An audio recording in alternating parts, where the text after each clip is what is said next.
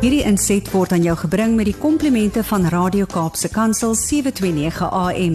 Besoek ons gerus by www.cape pulpit.co.za. Heerlik om vandag in die leefwêreld van die gestremde saam met Deedrey Stroebel, 'n audioloog te kan kuier. Baie welkom hier by ons. Baie dankie vir die uitnodiging. Dit is lekker om saam te kuier. Nou, dan gebeur groot goed hierdie maand van Maart en op die 3de Maart was dit spesifiek Wêreldgehoordag. En uh, groot fokus gaan jy en ek nou ook plaas vandag oor oorsorg vir ons kinders. So kom ons skop sommer maar af. As ons nou kyk na ons kinders, ons toets hulle gehoor by geboorte. Ehm um, jy weet en dit is nou normaal. Is dit nodig om hulle gehoor op 'n latere stadium weer te toets? Ja, kyk by by geboorte gebruik ons 'n gehoorsiftingstoets en dit gee vir ons 'n aanduiding of die die meganisme werk. Dit is nie 'n gehoortoets soos wat ons as volwassenes dit ken nie. En kinders kan ook gehoorverlies ontwikkel. So ons beveel graag aan dat 'n kind weer op 'n jaar getoets moet word, want dan kan ons sien hoe 'n kind reageer op klank en dan altyd voordat hulle skool toe gaan want ons moet darm seker maak hulle kan hulle onderwysers hoor. Hulle kan dalk hulle ouers ignoreer maar hulle moet die onderwysers kan hoor. Hoe kan ander kinders kinders kan siektes ontwikkel en siektes kan gehoorverlies veroorsaak. So mense moet maar altyd seker maak die gehoor is normaal.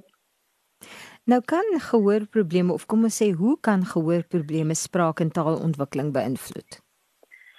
Dan in 'n jong kind is ons afhanklik van normale gehoor om al die spraakklanke te hoor en dit dan te leer gebruik.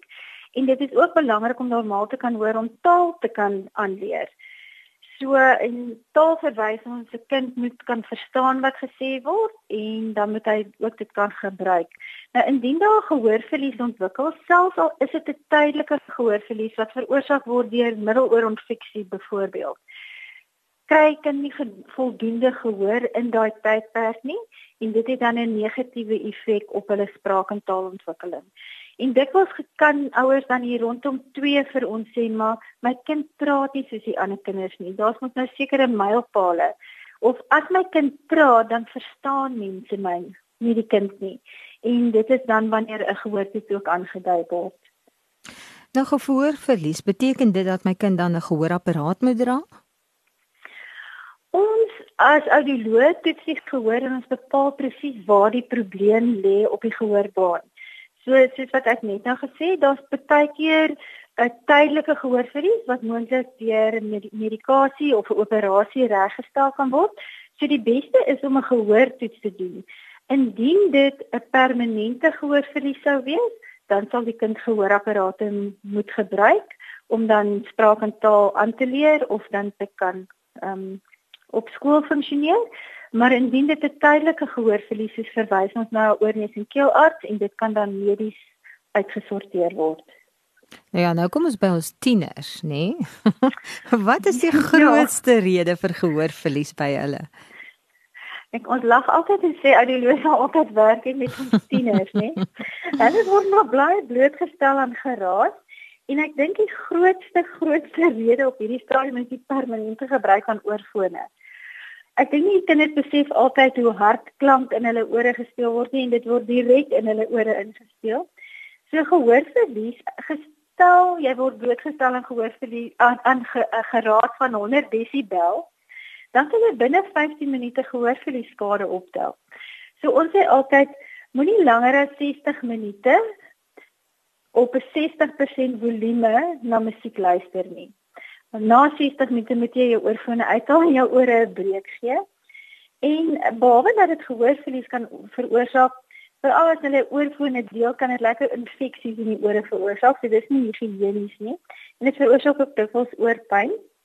Verder dan met ander so want hulle sê hulle draai die volume op want hulle hoor te veel goed buite dan sal ons maar aanbeveel dat hulle noise hierdie tipiese geraas wat in Engels 'n noise cancelling oorfone dat hulle dit moet gebruik dat die geraas dan van buite uitgeskakel word dat hulle kan fokus op hulle musiek maar dat die volume dan laer is maar dit gaan maar oor die tydperk en die volume wat hulle daai oorfone gebruik En ek wil net vir jou sê as jy so langs hulle stop in 'n motor by 'n robot en jy luister saam asof jy in dieselfde motor is terwyl alles so boem boem boem maak, dan wonder jy ook hoe lank gaan hy oorhou. net as my ore kan dit baie keer nie hou nie. Nee, ek moet vir jou ja. sê ek het vanoggend dit gehad en toe dink ek, "Jee, ek kan nie luister hierna nie. Ek hoop die lig slaan gou oor."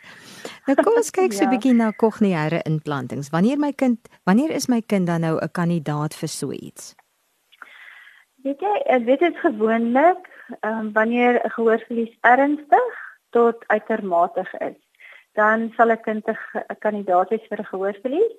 Ehm um, die besluit of iemand 'n kokleaire implanting sal kry of nie word deur 'n span deskundiges gemaak. Dit begin maar altyd by die audioloog wat die gehoortoets moet doen en dan op grond van audiologiese redes word die kind aangedui as 'n kandidaat. En dan is daar verdere mediese ondersoeke en radiologiese ondersoeke en dan sal 'n span besluit of die kind 'n implantingskandidaat is of nie. Die vroegste wat ons kinders implanteer is rondom 6 maande. En so dit is tipies kinders wat met gehoorsifting by geboorte gefaal het.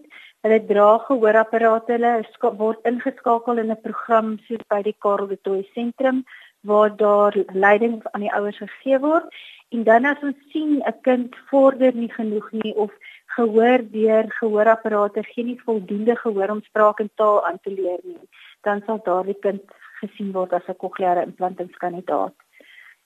En dit is altyd hoe vroeër hoe beter. Dit werk mos nou maar altyd in ons veld so. Ja. Nee, net so vinnige vraagie oor die oor die ehm um, die volume. As mens nou kyk na die intensiteit iemand wat nou 'n kokleaire implanting het, met hoeveel persent verbeter jy sy gehoor?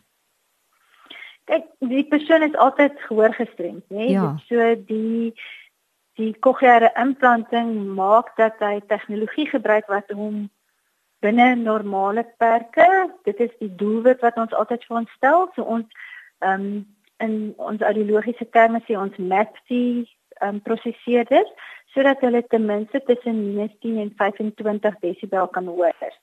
Want indien iemand se gehoor, sê 'n uh, persoon wat nie gehoorapparate of kokleaire implante gebruik nie en wie nie gehoorverlies onder 25 desibel lê, sal ons sê maar jy het hulp nodig, 'n gehoorapparaat um, kan aangedui word. So tipies iemand wat 'n kokleaire implant kry se gehoorverlies lê is swakker as ten minste 80 desibel as dit vir jou 'n aanduiding kan gee.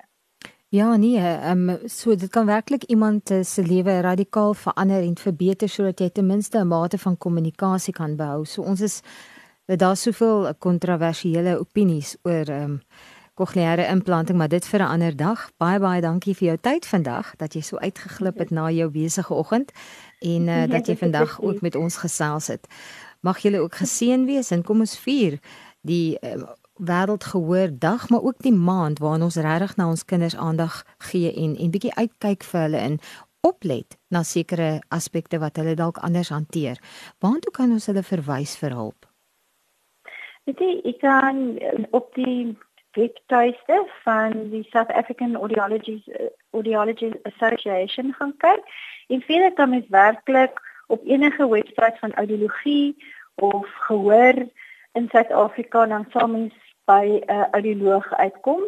Ehm um, die ander plek om te kontak is natuurlik die kokleaire implanting spanne by verskillende en groot hospitale soos in Johannesburg en hier in Kaap by Tygerberg. Daar mens kan letterlik gehoor intikking jy sal hulp kry. Baie dankie vir jou tyd en ehm um, ja, 'n besige jaar wat voorlê. Kom ons raak betrokke. Mooi loop. Baie baie dankie. Totsiens. Totsiens. Hierdie inset was aan jou gebring met die komplimente van Radio Kaapse Kansel 729 AM. Besoek ons gerus by www.cape pulpit.co.za.